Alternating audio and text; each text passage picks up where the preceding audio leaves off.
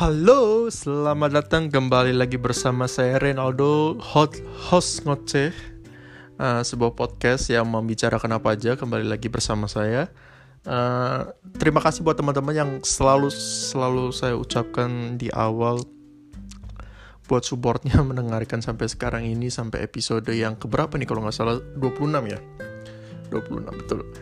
Uh, Buat teman-teman juga di di berapa menit bukan bahkan mungkin nggak sampai satu menit ya di beberapa detik di awal itu ada iklan yang memang aku pasang untuk mengiklankan Anchor di mana Anchor ini adalah sebuah platform yang membantu saya atau mensupport podcast-podcast saya ini supaya bisa di dipublikasikan di Spotify. Jadi buat teman-teman juga yang mau memulai podcast juga bisa menggunakan anchor.fm ini gratis.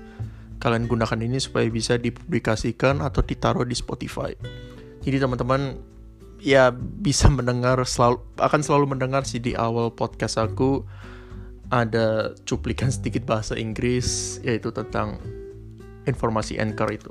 Oke, teman-teman, langsung aja di podcast kali ini aku bakal bahas sedikit melanjutkan tentang uh, serial series yang aku sudah bahas di dua episode atau tiga episode yang lalu yaitu tentang The Last Dance. Jadi teman-teman tahu kan kalau sekarang ini di mana saat aku lagi syuting ini atau lagi recording ini uh, web series The Last Dance yang menceritakan tentang perjalanan karirnya Michael Jordan, tentang Caca Gobus, tentang orang-orang di sekitar Michael Jordan, baik Phil Jackson, Scottie Pippen, Dennis Rodman, keluarganya, Jerry, Jerry Krause dan semua orang di lingkungannya dia atau atau mereka-mereka yang ada di tim oposisi seperti Isaiah Thomas, terus ada si Magic Johnson, ada Reggie Miller dan seterusnya. Jadi The Last Dance ini sebuah mini seri ya film dokumenter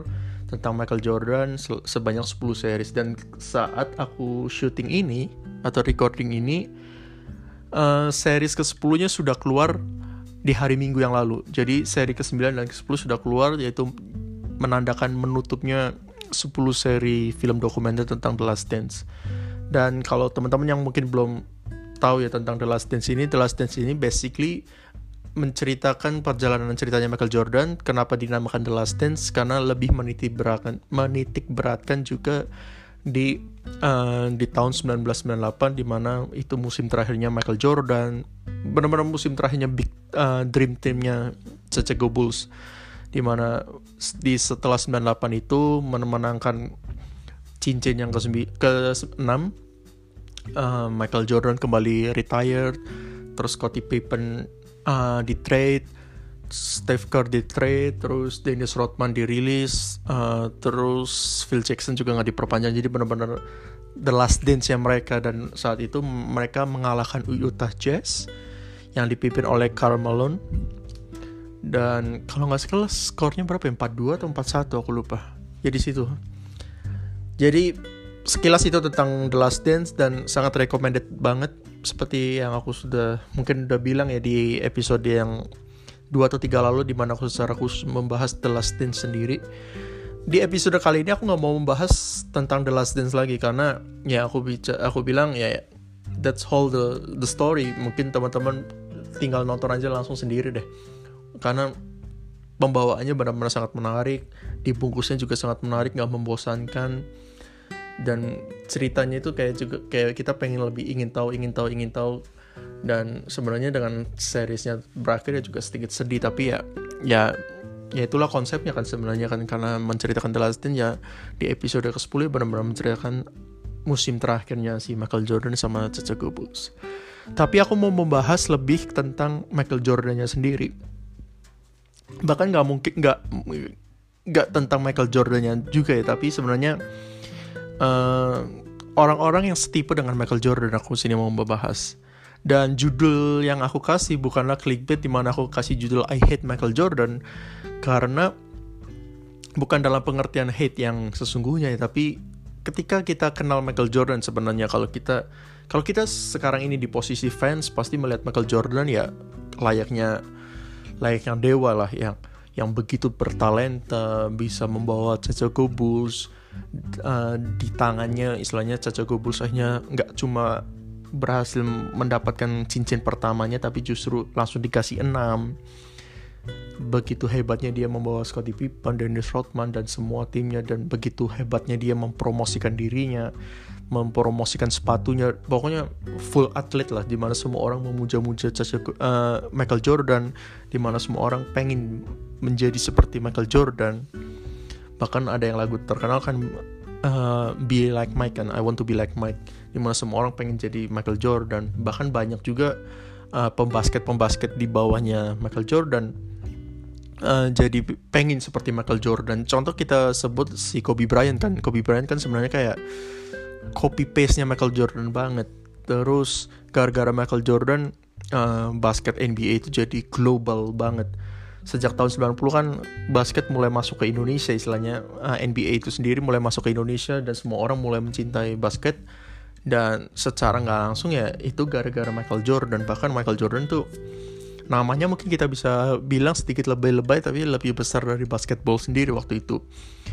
Karena dia mempromosikan basketball dia yang orang pertama yang memperbolehkan kalau nggak salah ya memperbolehkan sepatu itu nggak harus hitam atau putih tapi boleh warna-warna yang lain tolong dikoreksi kalau tentang ini ya. Tapi kalau nggak salah itu sih Michael Jordan yang bahkan dia sempat dikena denda karena dia nggak nggak memakai sepatu hitam kalau nggak salah.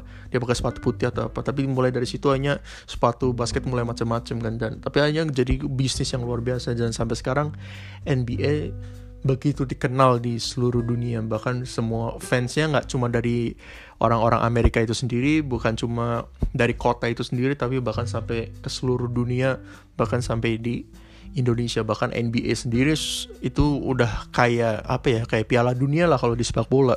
Bahkan Piala Dunia FIBA-nya sendiri kalah pamor sama NBA seolah-olah kayak juara NBA itu lebih susah daripada juara Piala Dunia atau World Cup yang lainnya karena begitu besarnya nama NBA dan secara nggak langsung ya itu dipengaruhi oleh hadirnya Michael Jordan di tahun 80-90an waktu itu. Terutama di 90-an ya karena masal jayanya kan di 90-an di mana sebenarnya skillnya sudah muncul dari saat pertama kali dia rookie. Tapi kalau kita kenal lebih dekat tentang Michael Jordan bahkan kalau teman-teman lihat itu uh, dari dokumenternya itu kita akan melihat sosok lain dari Michael Jordan dan bahkan mungkin kalau kita sebagai teammate-nya dia atau teman yang bermain bersama dia kita nggak akan lagi menjadi seperti apa ya begitu mengidolakan lagi Michael Jordan. Karena ketika kita tahu siapa Michael Jordan itu sendiri which is ini aku udah nggak kaget ya which is aku uh, aku merasa apa ya ketika semua di reveal di dalam The Last Dance itu aku lah kayak ya I know it itu ya kayaknya everybody like that lah istilahnya gitu setiap orang besar pasti punya sifatnya itu di mana orang pasti benci Michael Jordan. Karena kalau kita lihat sendiri ya terutama kita lihat dari The Last Dance aja deh dari web series The Last Dance Michael Jordan itu adalah seseorang yang begitu keras.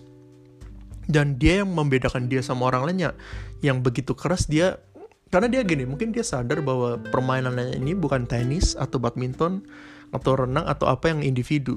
Dia tahu sehebat hebatnya dia tapi kalau empat orang lainnya di sekitarnya itu jelek, dia nggak akan pernah bisa namanya memenangkan cincin. Dia akan mungkin bisa memenangkan MVP, tapi itu pun akan sangat susah. Makanya yang dia lakukan adalah dia begitu keras sama teman-temannya. Dia begitu bahkan kan kalau kalian uh, suka lihat di dokumenternya itu, Michael Jordan suka memaki sana sini. Dia kan juga suka oh, dia suka membuli juga. Dia begitu mengintimidasi teman-temannya bahkan di sekitarnya dia. Mungkin ada yang beberapa salah paham dia nggak suka. Tapi itulah Michael Jordan. Dia melakukan itu kalau menurut aku gini kalau menurut aku dia tahu menjadi pemimpin Michael Jordan kenapa dia menjadi seorang Michael Jordan kenapa dia bisa menjadi leadernya banget di Caca Bulls karena dia tahu memosisikan dirinya sebagai seorang pemimpin dan dia ambil itu. Dan dia nggak peduli orang benci dia karena karena kita nggak bisa menyenangkan semua orang kan? Dan Michael Jordan melakukan itu. Dia begitu menginginkan cincin NBA dia menginginkan juara dan dia tahu dia nggak bisa melakukannya itu dengan sendirinya. Dan di satu sisi juga dia tahu empat orang lainnya mungkin ya nggak ada di satu level yang sama sama Michael Jordan mungkin skillnya mungkin nggak sama seperti Michael Jordan. Mungkin cara bermainnya nggak seperti Michael Jordan. Etos kerjanya nggak sama seperti Michael Jordan. Dan yang dia lakukan dia begitu push teman-temannya dan ya tentunya ada side effectnya atau efek atau efek sampingnya adalah orang melihat Michael Jordan yang begitu kompetitif menjadi kok serius banget santai aja bisa nggak sih segala macam. Tapi kalau teman-teman lihat ya teman-teman belajar dari beberapa orang-orang uh, yang hebat ya, terutama mereka-mereka yang ngelit. Biasanya mereka memang tampil berbeda di lingkungannya atau di kelompoknya, di komunitasnya dan terkadang mungkin ketika dia ada di posisi memimpin, orang nggak akan semuanya suka.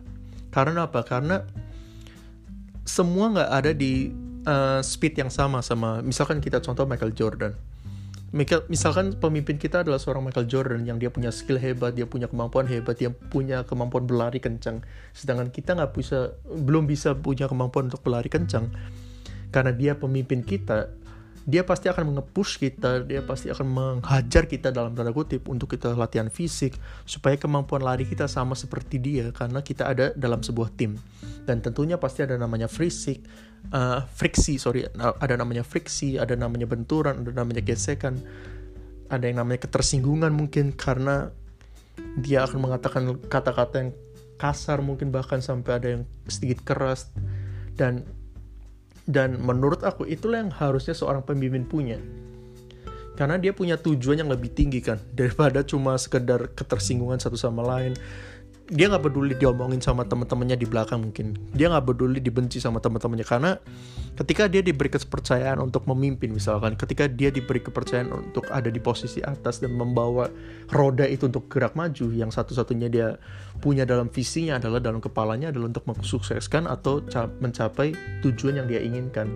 Dan kadang dengan tujuan itu dia harus sedikit mengepush teman-temannya karena dia tahu dia nggak bisa kerjain sendiri kan. Karena itu adalah kolektivitas tim. Maka dari itu kalau kita bicara sebuah tim ya atau apa pun itulah bola atau bisnis atau apa pun atau mengerjakan sebuah event ada satu orang kalau bisa itu adalah di posisi pemimpin di mana dia berani ngepush gitu. Dia berani ngepush dia nggak boleh nggak enakan. Ketika something wrong ketika progresnya rendah dia harus menjadi seseorang yang berani galak dalam tanda kutip untuk bisa uh, put all the mess into the track again. Jadi mengembalikan ke dalam tracknya kembali. Kayak kayak aku pernah pernah dengar juga dari uh, sebuah grup lawak ya di Indonesia. Sekalipun mereka bercanda-bercanda sana sini pasti ada satu orang yang dianggapnya leader dan dia yang paling galak istilahnya. Ketika mulai ada yang malas-malesan ketika fame-nya mulai uh, kena ke mereka mereka udah mulai terkenal dan mereka mungkin malas latihan karena orang sudah memuja mereka istilahnya. Udah udah banyak grupisnya kalau di grup uh, grup band rock. Pasti ada harus ada satu sosok yang begalak yang mengembalikan mereka mereka ini di dalam jalur. Karena kalau enggak pasti akan bubar. Pasti karena itu ya harafiah manusia kan ada kadang kita rasa capek kadang kita pengen apa pengen santai dulu. Ada seseorang yang punya visi yang besar itu untuk bisa ngepush orang-orangnya itu loh. Makanya Michael Jordan gak heran menjadi besar sih. Dan dia berhasil membuat Chicago Bulls sampai juara 6 kali. Dan butuh orang-orang yang karena kayak uh, kita sedikit uh, bicara di luar Michael Jordan. Michael Jordan sebenarnya juga uh, sedikitnya beruntung juga dengan punyanya Scottie Pippen yang begitu ngerti Michael Jordan. Dia kenal juga eh dia punya Dennis Rodman juga yang nggak peduli. Yang di sini uh, dia istilahnya gini dia nggak baperan lah istilahnya karena ya di sini yang kerjaanku ya main basket bahkan kerjaanku ngeribon ribonin bola. Jadi dia latihannya fisik doang karena dia yang tujuannya dia adalah ngeribonin bola kan dan ya bodo amat lah Michael Jordan mau apa. Tapi justru menurut aku si Michael Jordan beruntung karena bukan punya teman-teman yang baper yang malah minta keluar minta segala macam. Justru kan ruginya kan di mereka sendiri. Dan itu yang aku lihat sih yang yang aku belajar juga sih dari Michael Jordan. Nggak cuma Michael Jordan sih kalau kalian teman-teman lihat uh, kita bicara di sosok sepak bola eh olahraga deh misalkan contoh kayak Kobe Bryant. Kobe Bryant juga sama teman-temannya juga keras banget loh sama si Pau Gasol sama uh, teammate-nya dia itu benar-benar keras. Bahkan dia sempat friksi juga sama Dwight Howard kan sama sama beberapa temennya lagi. Karena ya itulah yang seorang pemimpin harus punya sih. Sama kayak LeBron James kan juga. Karena gini misalkan terutama di bagian tim bergu yang tadi kayak aku bilang ya. Kita contoh LeBron James. LeBron James kurang talenta apa sih dia istilahnya? Kurang skillful apa sih dia? Uh, tapi mungkin dia kurang beruntung punya tim seperti Michael Jordan yang dikelilingin oleh Scottie Pippen, Dennis Rodman, Steve Kerr, terus ada Roy Harper, terus ada Tony Kukoc. Mungkin dia kurang beruntung seperti Kobe Bryant yang punya Shaq, O'Neal, dia punya Derek Fisher, terus dia punya Pau Gasol dan teman uh, punya Phil Jackson juga kan. Mungkin LeBron James sedikitnya kurang beruntung uh, punya teammate yang seetos kerja atau sehebat itu. Jadi yang membuat dia akhirnya sebenarnya Michael Jordan nih uh, dari tahun 2011 sampai tahun 2018 bayangin mereka dia 8 kali masuk final loh. Tapi cuma dapat tiga kali uh, cincin juara ya di satu sisi mungkin karena waktu itu ya orang bilang Golden State-nya lagi hebat-hebatnya uh, Spurs juga cukup mengganggu. Tapi kita bisa lihat bahwa seskillful apa pun si LeBron istilahnya dia tetap butuh orang-orang di sekitarnya. Terbukti kan dia tetap masih butuh Kyrie Irving. Dia waktu itu masih butuh Dwayne Wade. Uh, dia masih butuh Chris Bosh Ray Allen. Dia masih butuh orang-orang di sekitarnya karena inilah permainan uh, tim istilahnya. Seperti sekarang ini LeBron James kan juga uh, sangat terbantu dengan hadirnya Anthony Davis kan. Terus ada terus ketambahan Dwight Howard, terus ada beberapa pemain lainnya. Tapi lihat sebelumnya kan di musim pertamanya di LA kan dia nggak bisa ngangkat LA uh, di, karena karena ya sekali lagi balik lagi adalah tim beregu kan dia he need somebody di sebelahnya dia makanya uh, yang dia butuhkan ya tim yang solid dan dia juga harus keluar sebagai sosok leader yang mungkin terlihat sedikit keras sama teman-temannya, terlihat sedikit ngepush teman-temannya karena itulah yang dibutuhkan.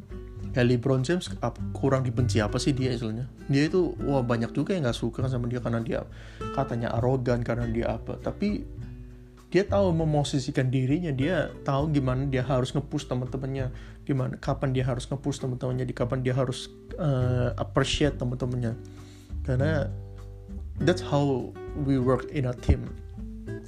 Banyak lain juga seperti Cristiano Ronaldo juga kan apalagi sepak bola nggak cuma lima orang 11 orang kan kepalanya lapangan lebih lebar jelas nggak mungkin dia solo main sendiri kan. Kalau basket mungkin ya masih bisa di antara 11 poin dia bisa cetak 60 poin. Tapi kalau sepak bola kan lebih mustahil lagi 11 orang, lapangannya lebih besar. Tentunya pastinya kolektivitas tim sangat diperlukan kan. Cristiano Ronaldo juga sama teman-temannya juga wah baru begitu ngepush kan begitu gimana dia ngasih contoh segala macam. Lionel Messi pun demikian dia bahkan kan se sempat juga kan beredar kabar which is actually saya kayaknya per, aku bilang beneran sih. Maksudnya dia kan yang secara nggak langsung mempengaruhi kebijak kebijaksanaan transfernya Barcelona. Dia yang mengatur pemain-pemain mana yang harus dibeli karena karena dia merasa pemain-pemain itu harus ngeklop sama dia. Pemain-pemain yang bisa main bareng sama dia istilahnya. Karena dia tahu juga sehebat-hebatnya dia sehebat-hebatnya dia licin banget istilahnya bawa bola gocek sana sini dia tetap butuh dia butuh tetap Iniesta, Safi di belakangnya, dia tetap butuh Luis Suarez di sebelahnya atau di depannya dan ya tetap dia butuh pemain-pemain hebat itu kan. Dan uh, untuk menutupnya aku pengen tutup aja jadi aku nggak pengen kelamaan. Jadi itu sih yang kita harus yang yang kita bisa belajar sih dari orang-orang besar seperti Michael Jordan. Jadi percayalah kalau kita lihat Michael Jordan mungkin kita ngefan, tapi kalau kita ada di circle-nya dia, percayalah kita akan jadi benci mungkin. Karena mungkin kita nggak di pace yang sama, kita nggak di kecepatan yang sama, kita nggak di ritme yang sama yang membuat kita harus di sedikit dikecepatkan dan dan I know it's painful untuk bisa mungkin di speed yang sama sama pemimpin kita but that's how it works ya dan satu lagi uh, yang aku pengen tutup adalah kalau kita belajar dari kayak Michael Jordan teman uh, Ronald Cristiano Ronaldo dan lainnya untuk bisa menjadi seperti mereka harus menjadi beda. Harus menjadi beda. Aku masih uh, ingat dengan ceritanya Ronaldo teman-temannya yang banyak yang bilang kayak contohnya si Tevez si siapa? Berbatov teman-temannya waktu di MU atau mungkin teman-temannya waktu di Madrid bahkan teman-temannya juga yang sekarang di Juventus. Ronaldo itu kan selalu datang lebih dulu berapa jam lebih dulu dan pulang lebih paling lambat. Paling akhir sorry paling akhir. Karena uh, di situ dia melatih fisiknya dan itu yang secara langsung itu yang membuat Ronaldo beda. Kayak kita uh, contoh Michael Jordan aku masih ingat di episode keberapa di The Last Dance juga menceritakan bahwa ketika pertama kali Michael Jordan datang di Caca Gobul sebagai rookie angkatan-angkatan seniornya wah itu uh, apa drug semua lah ngedrug semua segala macam jadi setiap kali break setiap kali ngumpul-ngumpul di hotel misalkan mereka selalu do drug segala macam apalagi kan di tahun 80 kan ya banyak yang pakai istilahnya. Dan di situ rukinya Michael Jordan dia nggak mau. Dia dia memilih keluar dia memilih stay di kamarnya dan mungkin aku percaya pasti dibully lah apalagi anak baru nih. Nggak mau nongkrong bareng istilahnya nggak mau main-main bareng nggak mau minum-minum bareng nggak mau ngedrug bareng pasti ya dibully apalagi dia seorang rookie. Tapi dia memilih seperti itu karena dia tahu he is Michael Jordan istilahnya kan. Makanya di situ di mention juga seandainya waktu itu kalau Michael Jordan ikut sama mereka do drugs bareng no matter how great Michael Jordan punya talenta kita nggak akan pernah kenal namanya Michael Jordan. Dan itulah yang membuat Michael Jordan beda sih. Dia berani untuk di posisi yang beda di tempat yang berbeda mungkin diliatin diledek dan diejek tapi dia tahu there's something great lah yang nungguin dia. Dan itu sih yang yang menarik tentang Michael Jordan tentang banyak pemain-pemain lain atau figur-figur hebat lah. You name it kalian bisa bisa mention pasti mereka adalah orang yang berbeda di komunitasnya dan mungkin mereka orang yang paling keras di komunitasnya untuk nge-push teman-temannya atau kolega-koleganya. Oke, okay, mungkin itu aja buat teman-teman. Uh, aku harap cerita Michael Jordan ini bisa menginspirasi kalian buat teman-teman juga yang mungkin belum nonton The Last Dance uh, I it so much I recommend you untuk nonton The Last Dance di Netflix atau di ESPN uh, cuma 10 episode dan per episode cuma 40 sampai 50 menit jadi uh, worth it banget untuk kalian tonton. Oke mungkin itu dulu. Sampai jumpa di episode-episode berikutnya. Sampai jumpa stay healthy